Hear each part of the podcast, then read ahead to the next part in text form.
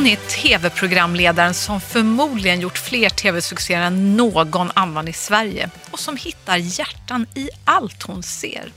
I succépodden berättar författaren Agneta Sjödin vart hon hittar kraften till nya framgångar. Om hur en drömdagbok blev vägen för henne att navigera rätt i livet. Om varför nya kärleken Martin och hon fungerar så himla bra tillsammans. Om hur kärleken gett henne ett helt nytt grönt kort. Hur hon hittat till en ny sport om nerverna som aldrig kommer att hitta fram till varandra efter den dramatiska trafikolyckan. Varmt välkomna till ett magiskt bra avsnitt av Succépodden.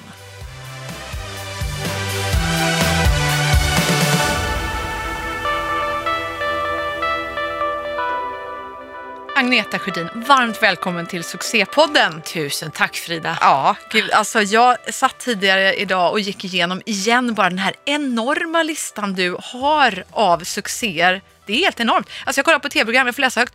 Tur i kärlek, Småstjärnorna, Jakten på den röda rubinen, eh, Sikta mot stjärnan, Fångarna på fortet, Gladiatorerna, Fröken Sverige, Faddergalan, Saknad, Agnetas smällkarameller, Let's Dance, Spårlöst, Vardagspuls och sen har vi ju inte ens kommit in på böckerna. Sen Nej, är ju... Och Agnetas nyårskarameller också. Ja, de, här smäll, de nyårskaramell- här smällkaramellerna Nej, var bara typ och- två gånger. Precis, och nyårskaramellerna de var ju flera De år. rullar och ju var, hela tiden. Och de, de Ja. älskar man ju. Ja, ja. Och sen är det väl typ åtta Det- böcker.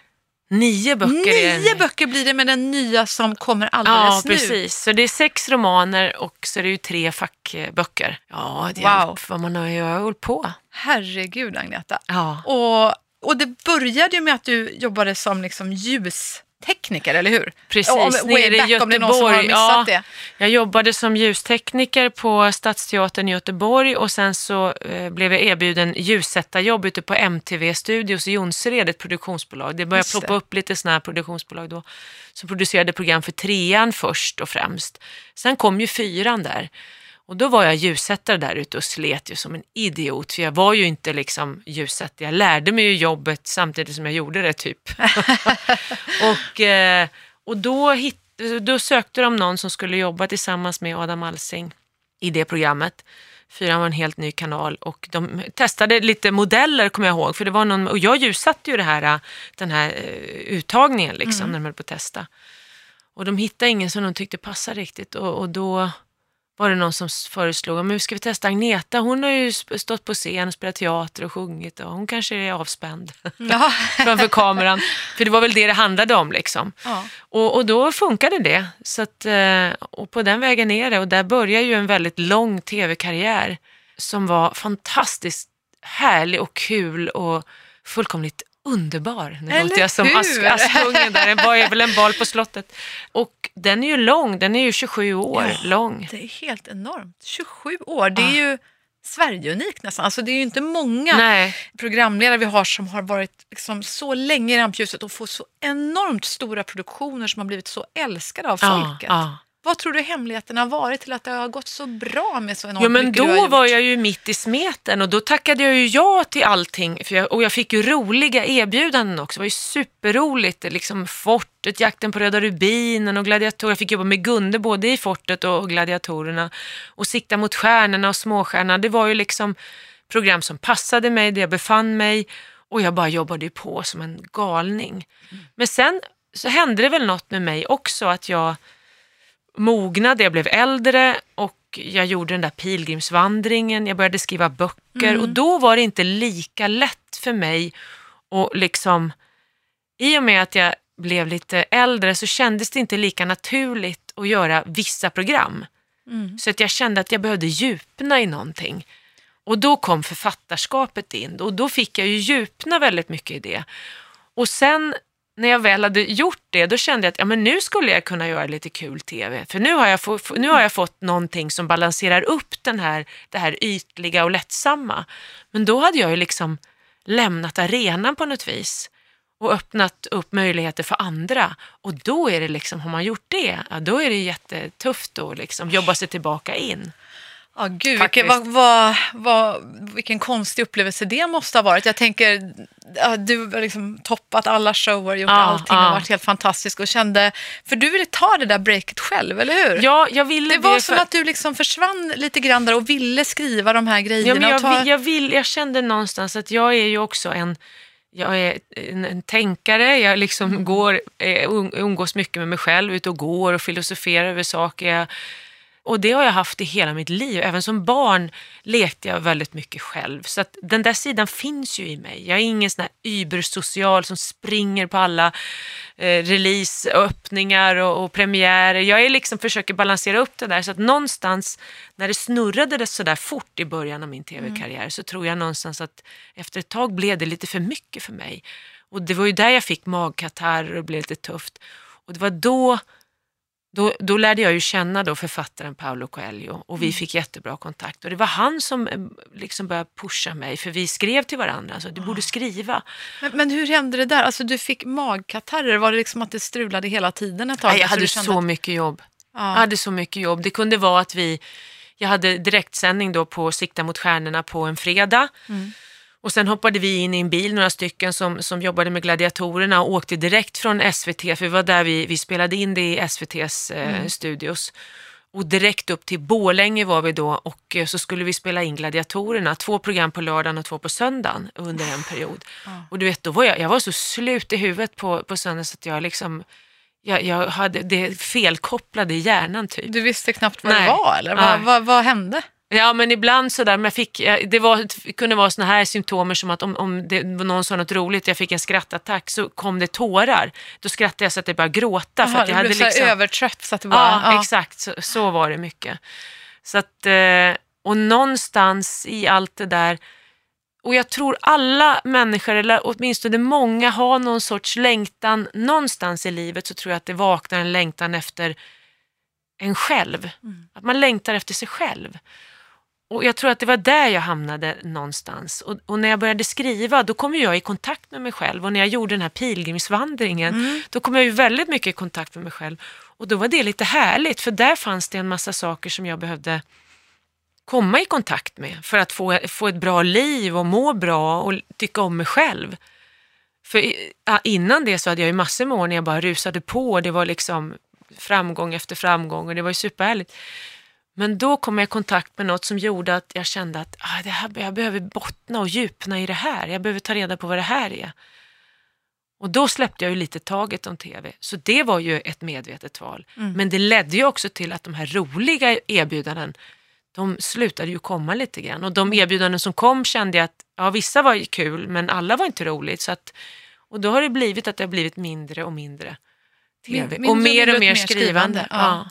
Och jag ångrar ju inte det någonstans, för att skrivandet är ju, där spelar det ingen roll hur gammal jag blir liksom. Eller hur jag ser ut eller vad jag gör. Du vet, kan, jag, kan jag lyckas där med skrivandet, med de idéer jag har och få en, en fin eh, publik som läser mina böcker.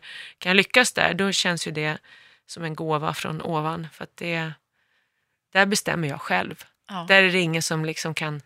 för- tv-branschen är ju liksom, den är rätt cynisk och hård och, och de är, vill ju ha tittarsiffror och pengar. Det är ju vad de är ute efter. Det är ju liksom ingen välgörenhetsorganisation. Det är det inte. som liksom, nej. men nu ska vi ta hand om våra... Och det förstår man ju, Jo, eller hur? Jo, det kan absolut. man ju förstå. Och du har ju också jobbat mycket på kommersiella kanaler. Ja, så, visst. Som sagt, trean i början och fyran ju jätte, jättelänge. Och Ja, sådär. visst. Det, ja, det är klart, det är ju kommersiella kanaler. Men ja, varför, och jag, jag kan ju förstå dem. ja, men absolut. Men Mm. varför är det så att, eh, eftersom du är inne på att ja, men nu är jag ju liksom inte 25 längre. Mm. Men hur, hur kommer det sig att just ålder är en sån stor grej, tror du, för val av programledare då och så vidare? Fast jag i- på ett sätt tror jag inte det, för att vi, det är ju några stycken som fortfarande är kvar som är i, i min ålder också och eh, jag tror att de värdesätter naturligtvis eh, erfarenhet och så. Men däremot så tror jag att det är branschen förändras väldigt mycket och det pockar på många unga influencers och youtubers och allt vad det nu är. Och det är ju inte tv på samma sätt som det var förut, utan det är mycket så här play, de, de som tittar på tv idag, ungdomar och även jag, och jag är ju 50, jag tittar ju typ bara på play eller på Netflix och HBO och sånt där och tittar på serier. Så det, där behöver ju då branschen förändras och då är det ju lätt för dem, okej tar vi de här, då får vi folk som tittar liksom. Och det är ju det de är ute efter, så det är mer det det handlar om tror jag, än att nej men nu måste vi ha in lite ungt och fräscht. Det kan ju vara en kombination av naturligtvis, men framförallt är det nog att det är och den kommersiella tvn mm. förändras också. Men, Men- sen men- kan jag ja. tro någonstans Mm. att tittarna kommer, klimatet i samhället kommer också att förändras, att tittare kommer att längta mer och mer efter sånt som känns liksom äkta och genuint och förankrat och, och, och du vet, lite Mm. så. Det hoppas jag i alla fall. Men hur kändes det då när du ja, kände att ja, men nu har jag landat, vad skönt, nu har jag hittat det här som jag sökte lite grann. Mm. Och så tänkte jag, ja men perfekt, då kan vi köra igen. Eh, Kom igen, bring Ja, on the cameras! precis. Nu är jag redo hörni gänget. och så liksom var det Och inte samma uppbåd. Du Nej, bara, men nej, hallå, börja ringa nu då. Ja, nej, ja, exakt. Och jag har ju heller aldrig varit en sån här som ligger på kanalen och tjatar liksom som en galning. Och, och det måste man vara lite grann. Man måste vara lite ettrig, tjata, komma med, driva på med idéer. Man måste ha den där sidan också, vilket jag inte har. Jag lägger ju all min kreativitet lägger jag i mina böcker. Och det andra har ju liksom kommit lite gratis i mitt liv med tv-uppdrag. För att jag kan ju göra tv, det vet jag ju att jag är bra på. Så Ja, det är ju inga konstigheter. Men jag är ju ingen som ligger på och tjatar. Och då har det, ja. Fast, och det är ju inte så att jag går runt och lider av det här. Nu har ju jag superkul med min boklansering. Och jag har ju vissa tv-grejer också som, som ligger och förfrågningar som kommer och sådär. Så det, det är inte så att mitt liv står still. Men det är ju en stor kontrast naturligtvis till vad det var på 90-talet.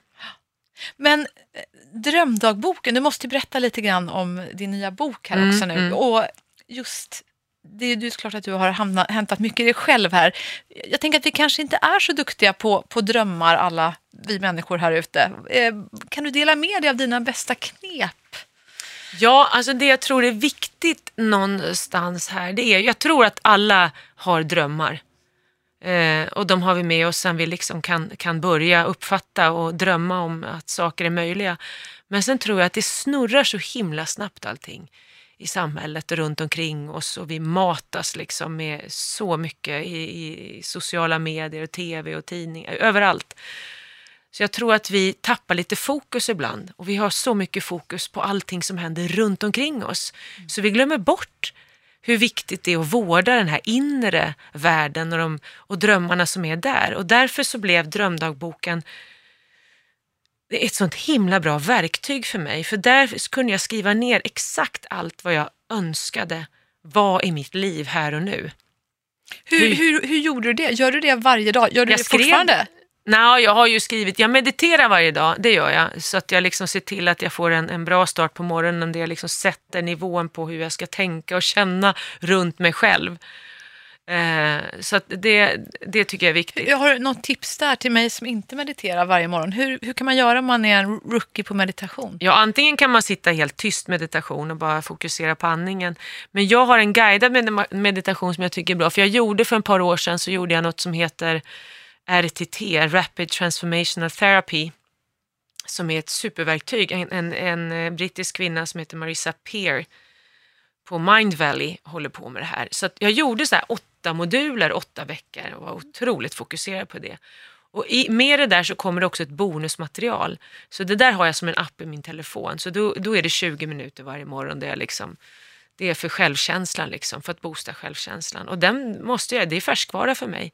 Även om jag är, är, mår mycket bättre i min självkänsla än någonsin så vet jag också att det här är precis som att gå till gymmet. Det här måste jag jobba med. Även om det kanske inte är varje dag så minst fem dagar i veckan att jag gör den här Wow. meditationen. Ja, det är säkert fantastiskt eh, nyttigt och bra, men jag blir ändå lite ja, förvånad, för jag tänker du är så... Du, Jo, du har ju så men- mycket och du har Jo, så och det har mycket jag. framgångar och, och självsäkerhet tänker jag att du borde förstås har ha jag. i, Ja, ja. Men självkänsla är ju någonting annat. Har- Fast men, nu är den, jätte, nu är den bra. Ja. Så att, men det där är ju sånt där jag får vårda lite grann. Men jag tror att det är ganska vanligt, och jag vet inte om det är mest vanligt hos kvinnor, men jag tror även hos män att man är, man är driven och framåt och har bra självförtroende, men så är man lite taskig på självkänslan med att boosta sig själv och tycka om sig själv och tycka att man är fantastisk och bra på alla sätt och vis. Där kan det ju vackla. Vi har lätt att falla in i jämförelse med andra och, och bli st- stressade och rädda och man sitter och surfar på sociala medier så ser man, men gud vad, vad mycket kul. Och får hon göra det och var hon bjuden på den där festen och varför var inte jag bjuden? Du Nej. vet, det är så lätt Ja, att halka det. dit och bara slå på sig själv och ja, jag är så ensam och jag är så utanför och Ja. ingen vill jobba. Och det var ju där jag kände, här får man inte Ja. hamna. Nej. Hur gör du då? Om, alltså om du eh, sådär, scrollar förbi Instagramflödet och, och någon gång tänker att nej men oj oj oj, och gud vad den här människan får göra massa roliga saker och, Mm. och jag var tydligen inte bjuden och nej, jaha, ja men alltså som alla människor då- tänker någon gång. Ja, Ja. absolut alla tänker så här. Ja. Och det ska man veta, alla tänker så där. Och då är det så skönt. Då har jag, dels har jag min drömdagbok där det står hur fantastisk eh, Ja, det låter ju så hemskt, men fantastiskt. Man måste ju våga skriva väldigt vackra och fina saker om sig själv, till sig själv, om sitt liv, om kärleken i sitt liv. Om det, alltså det här, drömdagboken ska ju vara liksom exceptionellt underbart härlig. I de bästa av världar, så här i mitt liv, här och nu. Och så läser man det där och matar sig själv med hur bra man mår och hur bra man tycker om sig själv.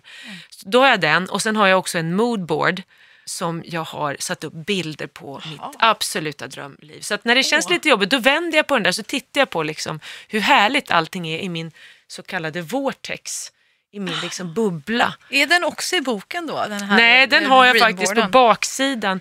Jag jobbade med vardagspuls där och då Mm. hängde det här stort foto på eh, porträtt och så stod det vardagspuls superstort.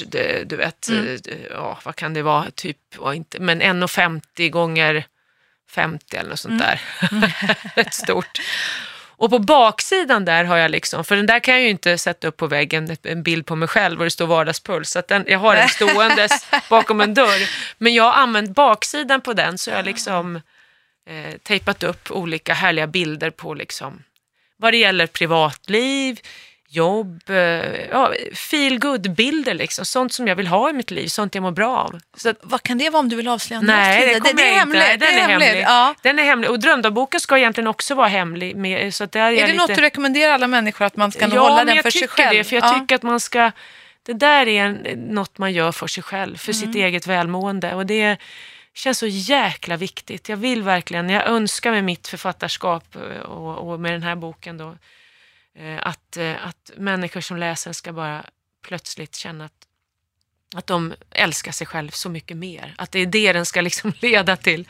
För det är så viktigt. Mm. Det är så viktigt, för det är så himla lätt att, att falla ur det där. Och speciellt idag med just sociala medier. Det är ju jättehärligt på ett sätt och man kan nå ut till folk med bra saker. Men det är också mycket som... eh, Många som lägger upp såna här bilder där de liksom bara posar, liksom, de är så jäkla perfekta och duktiga och de kan det ena och det andra. Och du vet, man blir bara stressad när man ser vissas Instagram. Mm. De är så jäkla duktiga och perfekta. och jag bara, åh, jag orkar inte. Och jag försöker tänka på det där att jag inte, min är ju, det är klart, det är jobbrelaterat när jag gör jobbsaker och så slänger jag upp lite hjärtan. Jag är inte så mycket Ja, men du är privat. så underbar på det här att hitta hjärtan ändå. Ja. Det är du verkligen. Det är ju verkligen positivt. Ja, men det är positivt, för det är också, jag har fått andra att titta efter hjärtan. Ja, ja men jag Jag tittar så också fina- efter jag hjärtan. Jag, fina- har, jag har blivit inspirerad av dig Ja. där och letar hjärtan överallt. Alltså, det är klart man ser dem när man, det är klart man blir glad av det. Ja, men att få människor att gå runt och titta efter tecken, det är lite meditativt och härligt. Och, och jag känner någonstans att jag, ja, jag hoppas, jag hoppas att jag kan sprida lite välmående. Mm. Det, det känns ju viktigt. Det ju, känns ju speciellt viktigt idag på något Mm. vis när den psykiska ohälsan är, rätt Ja, tung och det- stor. Det, det är den ju verkligen. Det är ju Mm. ett jätteväxande problem och just att det är faktiskt också så många kvinnor som drabbas och många unga kvinnor som drabbas. Ja. Och, också unga män förstås. Alltså det, är- det är ju ett jätteväxande samhällsproblem. Man vill ju gråta när man hör sånt där. För att det känns... Och så vet jag också hur mycket som sitter i huvudet, i tankarna. Mm. Hur du kan liksom krossa dig själv fullständigt med, med de där tankarna. Mm. Och precis det motsatta. Men hur är det, jag tänker på fördelar och nackdelar och så vidare med, med sociala medier. Vad, har du varit med om just baksidor i form av hat och hot och så vidare? Jag gör ju ett program som Nej. heter Trolljägaren också där Ja, det är väldigt vanligt att, jag tänker du som offentlig person och så vidare, att man drabbas av, av sånt och- också. Ja, förvånansvärt lite. Men jag, jag, jag sticker ju inte heller ut. Jag har ju liksom inte det åsikter. gör du väl? Nej men alltså inte på det sättet. Jag har Nej. inte åsikter. Vissa har ju så otroligt mycket åsikter och de hänger ut folk och skriver långa texter och, och debatterar och håller på. Så att om de drabbas, det, det, det kan jag ju lättare förstå att, att de kan drabbas. Men jag gör ju inte det. Jag har ju inte... Och då kanske vissa tycker att man är en jäkla fegis. Men jag håller mig borta från saker som jag vet folk går igång på. Det är liksom det kan vara det är politik eller det är vilken kost man äter eller hur man ska träna kanske kan, också, kan man få kommentarer på eller eh, om man håller på någon viss idrottsklubb eller, och där kan det komma. Så det är vissa, vissa saker är som religioner liksom. Ja. Eh, jag är nog lite försiktig. Jag försöker hålla mig lite, eh, för jag orkar inte. Jag orkar inte hålla på med sånt där som triggar igång folk. Jag vill, jag vill ha en, en snäll och fin, snällt och fint Instagram.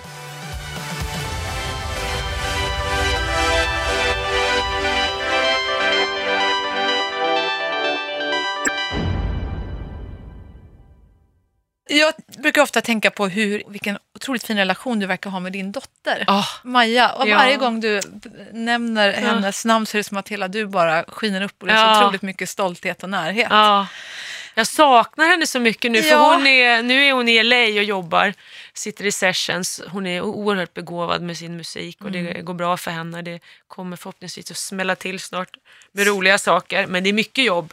Oj vad hon eh, jobbar effektivt och dedikerat på helger och du vet, hon, hon, hon är verkligen dedikerad den där musiken. Så att nu, har jag, nu saknar jag henne väldigt Ja, mycket. Men jag förstår, jag tänker, ni, ni har varit ett sånt himla tajt team känns det som. Alltså, ni har haft en sån himla nära relation, eller har förstås. men Ja, jag tänker ja. just nu när hon inte bor hemma Nej. längre, och hon inte, hur, hur, hur känns det? Hur hanterar du det? Ja men det känns som att vi har en sån himla fin relation. Vi, liksom, vi har middagar ibland, vi är ute och går, vi hörs. Även de dagar man inte ses så hörs vi liksom eh, en del. Det är, det har, det, jag fattar inte att, vi har, att det har blivit så bra. Men det är nog också att jag inte, jag pushar henne inte, jag lägger mig inte i hennes... Eh, jag bara finns där liksom. Och så känner jag in, vad behöver hon nu? Okej, nu behöver hon umgås eller nu behöver hon eh, inte höras på ett tag. Jag försöker känna in liksom var hon befinner sig. Så som man egentligen borde göra i alla relationer. Och sen ta- tar jag ju ingenting, ingenting är ju personligt. Vi kan ju liksom, man kan vara, jag kan vara grinig och stressad någon dag eller hon kan vara det. Och, och man tar ju aldrig någonting personligt. Så det, det där är ju världens bästa relation. Det skulle man ju applicera på alla relationer. Jag tänker på det här med psykisk ohälsa som du nämnde. Vad, har du stött på det, tänker jag, hos någon person som står dig väldigt nära och, och sett vad det kan leda till? jag tycker jag kan se det. Eh, jag tycker jag kan se det lite här och var.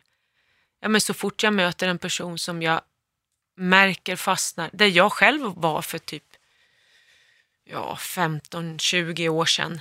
Du vet, man, man märker att man upprepar vissa mönster, det återkommer. Man, eh, jag kan ju se hur mycket som bottnar i att inte älska sig själv.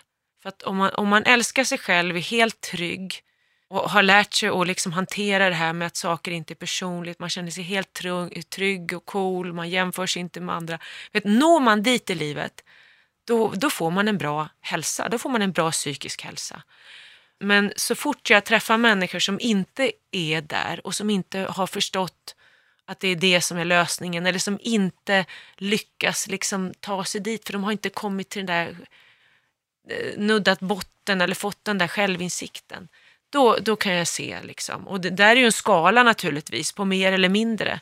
Många kan ju springa runt hela livet och fly från sig själva naturligtvis och tycka att det är härligt och så fort det börjar bli lite jobbigt då flyr man igen. Så kickar man på någonting.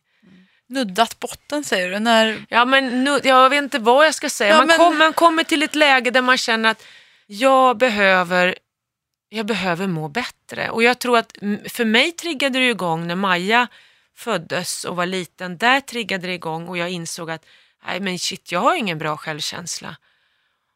Jag tar ju jättemycket personligt. Så fort någon liksom inte har ringt på ett tag eller inte hejar på ett konstigt sätt eller du vet, så tror jag att det är något fel på mig. Jag tog ju jättemycket personligt. Jag har ju varit där så att jag kan ju gå tillbaka och minnas och jämföra.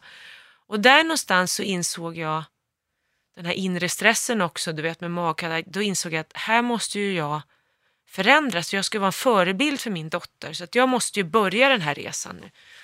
Så att den, den började ju där då för typ 20 år sedan och den tar ju tid naturligtvis. hur känner du när du tänker tillbaka på när du själv var liten? Vad, hur var relationen till din mamma och pappa?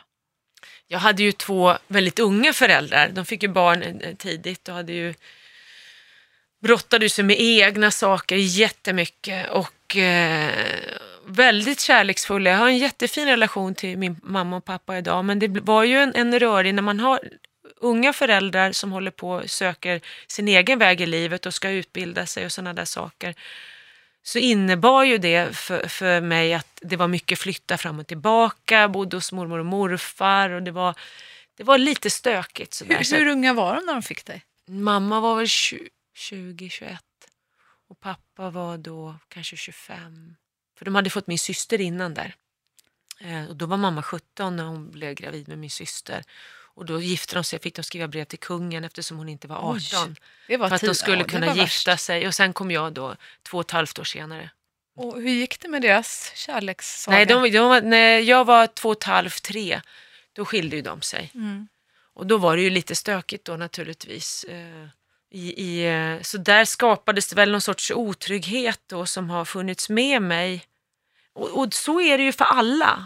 Alla har vi ju med oss någonting Mm. ja, ja, från uppväxt absolut. och barndom. Min dotter kommer också ha med sig saker Mm. som jag kanske önskar att jag kunde ha gjort bättre. Men, men så att Vi är ju det- bara människor Ja, allihop. vi är bara människor. Och det där får, får man ju komma ihåg. Så att det är inte så att jag skuldbelägger någon. Nej. Utan men, för men mig ju- är det men så här... det går att in- se förklaringar ibland. Liksom. Ja, jag ser förklaringar och så ser, kommer jag till insikt med vad jag behöver jobba med. Mm. För att jag kan ju liksom inte lösa det som har varit utan jag kan ju bara lösa min inre värld, mina tankar och sådär. För det är, ju, det är ju tankarna om hur saker och ting är som skapar känslor och känslorna som skapar hur jag mår. Mm.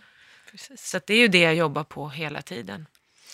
Hur är det, kör du fortfarande kampsport och så eller? Nej, alltså jag, och, och framförallt nu senaste tiden har jag varit dålig på, jag har varit dålig på att träna kan jag, Jag vill säga. minnas att jag träffade dig någon gång för några år sedan där ute och att du, du körde, eller hur? Du höll på att Ja, jag sparka och greja. Du var skitduktig. Jag var jätteimponerad. Jag blev nästan lite rädd för det för du var så bra på typ, Ja, att sparka ja, och, sen och slåss jag lite. Jag har fått lite skador på vägen. Jag fick en muskelbristning efter en spark eh, som jag måttade, så att det fick jag i vänster vad. Och sen cyklade jag och så bröt jag ju Ja, lårbenshalsen. men och gud, jag då- skulle vara med i ditt program den dagen. Det var på Ah. Vardagspuls. Är det Ja, sant? och så kommer vi, kom jag till studion och så säger de, "Eh, Agneta har varit med om en olycka. Ja. Och det var ju jättedramatiskt. Ja, det alltså jag, var blev, jag blev verkligen rädd, kommer jag ihåg, och såg det var en hemskt. Du Ja, det låg var- där i sjukhussängen och hade Ja, var cyklat i så. någon spårvagnsräls. Eller Ja, det var, vad så, det var så hemskt och jag har ju aldrig brutit något. Du Nej. vet. Jag var så Och chockad. du blev liksom, det var väl var det och då höften eller? Ja. lårbenshalsen. Ah, shit. Så efter den blev det ju också att då missade jag lite träning. Så då ville jag inte sparka. Men nu är jag ju väldigt bra. Nu är jag Mm. inte, ett tag var jag lite sned du vet för att musklerna hade tajtat till Mm. sig så, och sådär. Men nu känns det som att jag är, är bra. Sen har jag missat träningen lite för att det varit så mycket med den här boken. Ja, men det, Jag- det är ju härligt. Men, men är du helt återställd från den här Ja, det, cykelolyckan? det tycker jag i princip att Ja. jag faktiskt är. Det är lite sådana här nervtrådar som jag tror inte kommer att hitta. Så att jag kan känna ibland att jag inte har träningsvärk på samma sätt på den ena sidan som på, på, på vänster. Men, men hur håller du dig i form nu då när du liksom inte sparkas Ja. och eh, sommaren var så varm? Och Ja, men jag är ute och springa? går. Jag ser ju till att jag får upp mina 10 000 steg och jag gör lite knäböj och så lite såna här skridskohopp och jag, jag tränar lite hemma. Jag, jag kommer igång mer och mer. Så fort det har lugnat sig nu så kommer jag hitta en, en rytm i det. Och sen har jag lärt mig att spela golf. Jag har tagit grönt kort så det har jag ju också gjort lite grann. Jaha, hur kommer det sig då? Ja, jag tyckte för Martin då, min kille, han, han spelar och så kände jag bara att äh, men jag, jag borde lära mig. Jag borde åtminstone ta ett grönt kort. Ja, För då har man ju det. ja men det är ju jättekul. Ja, Ja. och kan göra det någon gång på någon resa sådär tillsammans. Jaha. Men så du har tagit grönt kort i år helt enkelt? Ja, Ja, Mm. vad roligt. Ja, men nu är, det, nu är det resan ner i handikappens väg då. ja jag vet. Eh, Men jag är mer fokuserad på att det ska bli hyfsat jämn i spelet så att jag känner att jag liksom har en jämn nivå. Men jag måste ju ut, jag ska försöka gå och träna. Mm. Eh, Gå, man måste ut på bana också. Jo, jag jag har gjort en del, jag har varit ute och spelat så här nio hål några Mm. gånger men jag behöver lite fler sådana. Men alltså, Martin nämnde du ju här nu. Alltså det, han, han var ju på din releasefest också. Ja, var ju ja. liksom, Han har ju varit lite hemlig ett tag här. Du har ju Jo, varit men- singel jättelänge Jo men jag typ. var det länge vilket Ja. jag också kan tycka är skönt för jag tror att jag behövde det. Jag, jag är glad att jag träffade Martin nu, vi kompletterar varandra jättebra och eh, jag, jag, jag tror att det var först nu också jag kände mig riktigt mogen för den här typen utav... Vi har en jättesund relation måste jag säga. Vad härligt. Så att, eh, men åh, ja, det, vi träffades där i början på november, det är väl tio månader. Jaha, hur träffades ni? På en, en kompis eh, 50-årsfest. Ooh, trevligt. Och vi känner ju varandra sedan förut så det var ju Så att, men vi hade inte setts på ett tag. Så det, var, ja, men det var väldigt bra timing för oss båda. Ja, där vi härligt. befann oss i livet. Och det var liksom, kom väl som en överraskning för oss båda. Ja, men vad kul. Perfekt timing. Ja, vad underbart. Mm. Fantastiskt. Jaha. Va, vad är det som han ger dig då? Ja, jag är lite försiktig med att prata för Ja. mycket om min relation. Ja, jag jag vet ju hur tidningarna jobbar där ute. Så att, eh, men men eh, nej, vi kompletterar varandra jättebra. Det är en, en väldigt, känns som en sund relation som är väldigt stabil, trygg, pålitlig och bra på många sätt. Som passar mig. Den passar mig bra. Och kul. Vi har väldigt kul ihop. Ja, vad roligt. Ha, men om vi tittar på dina superkrafter som har tagit dig till alla de framgångar som du hela tiden lyckas prestera, oavsett om det har varit tv-program eller nu då ytterligare en bok som lanseras nu och som kommer att göra säkert succé i höst, det är jag helt säker på. Vad tror du själv är det som tar dig till de här nya succéerna? Också att kunna förändra dig med tiden och förnya dig. Ja, det, ibland tänker jag att det är någon högre makt. För att det känns, när jag får mina bokidéer och, och varenda bok jag har skrivit också, känns någonstans som att det bara kommer någon annanstans ifrån. En, en, eh, att ibland kan man känna att jag bara, att jag är som, plockar upp något någonstans ifrån och så bara kommer det, flödar det i form av bilder. Oftast börjar ju mina böcker med en titel. Jag får en boktitel i huvudet och sen kommer hela boken så har jag den liksom.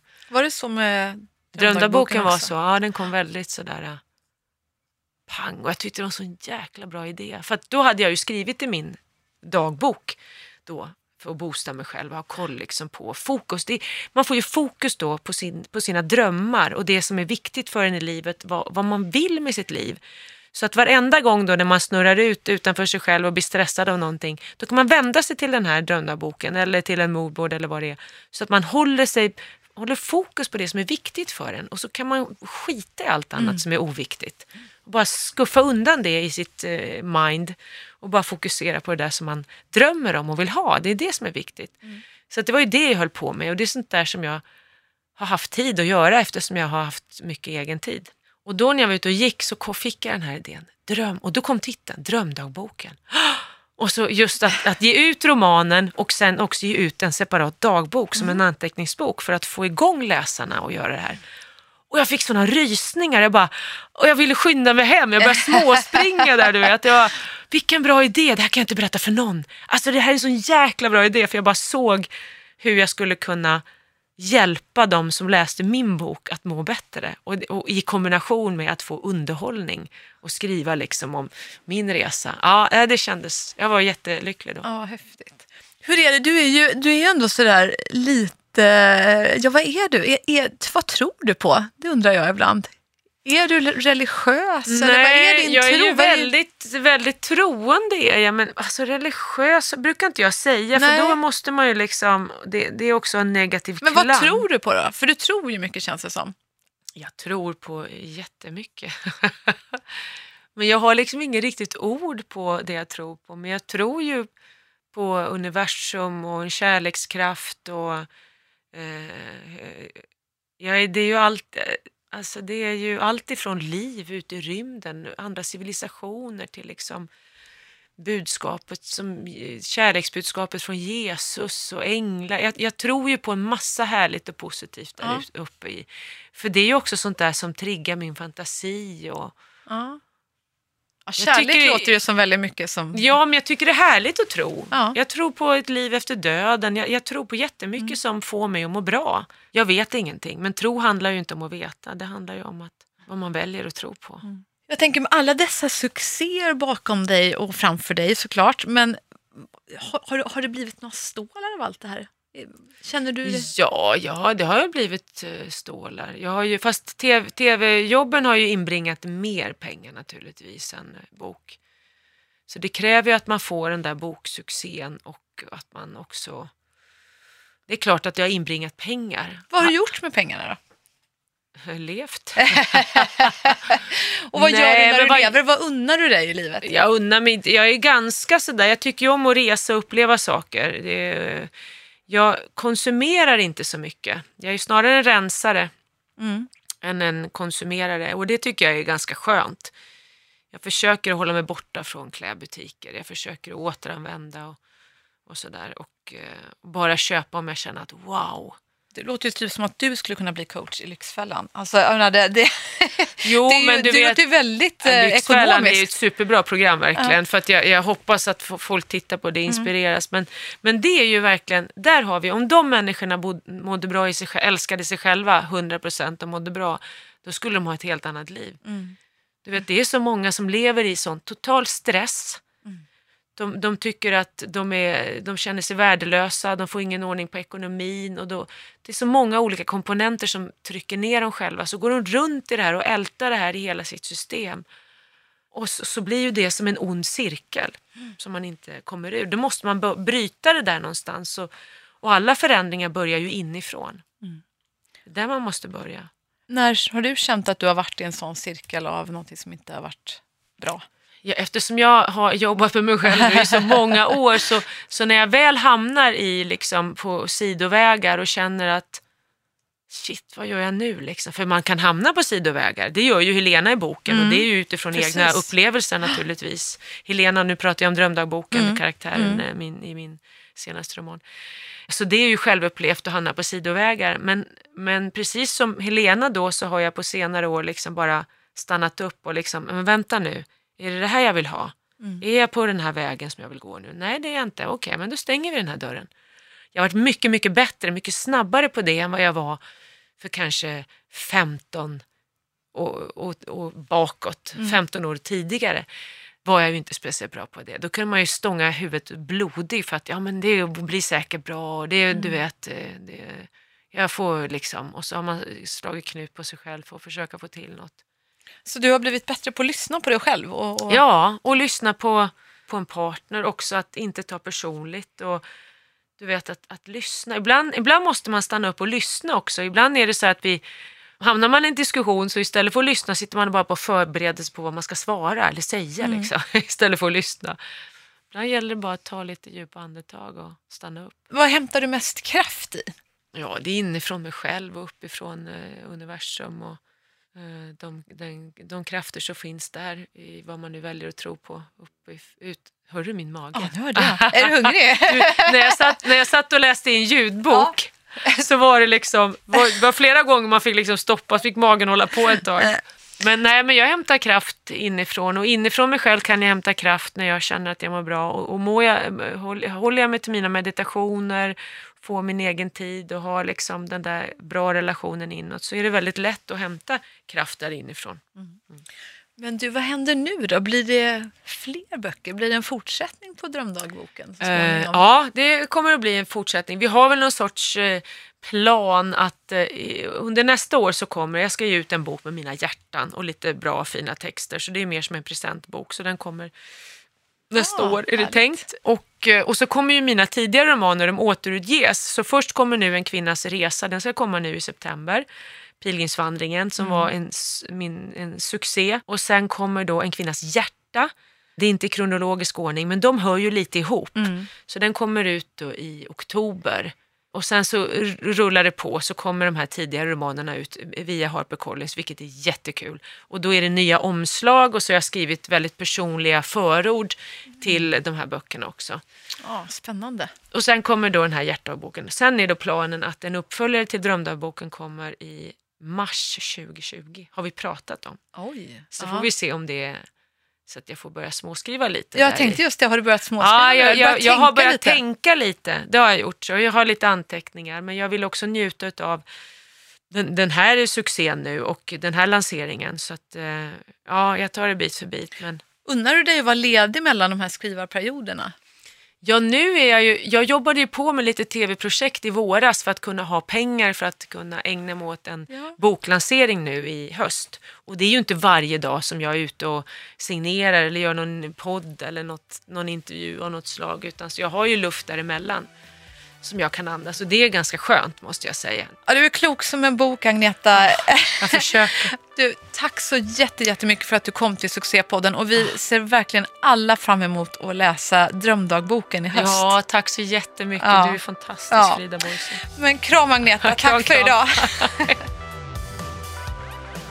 tack just för att du lyssnar på Succépodden. Nästa vecka då är jag, Frida Boysen, tillbaka med en ny underbar människa som förändrar vår värld genom just sina succéer.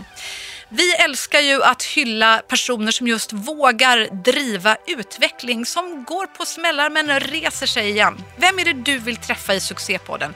Tveka inte att höra av dig till succépodden at ilikeradio.se. Och jättegärna berätta för dina vänner om Succépodden så att de också hittar hit. Ut och förändra världen allihopa, bränn alla jäntekoftor ni ser där ute, inspireras av succéer, mod och passion mina vänner. Vi ses!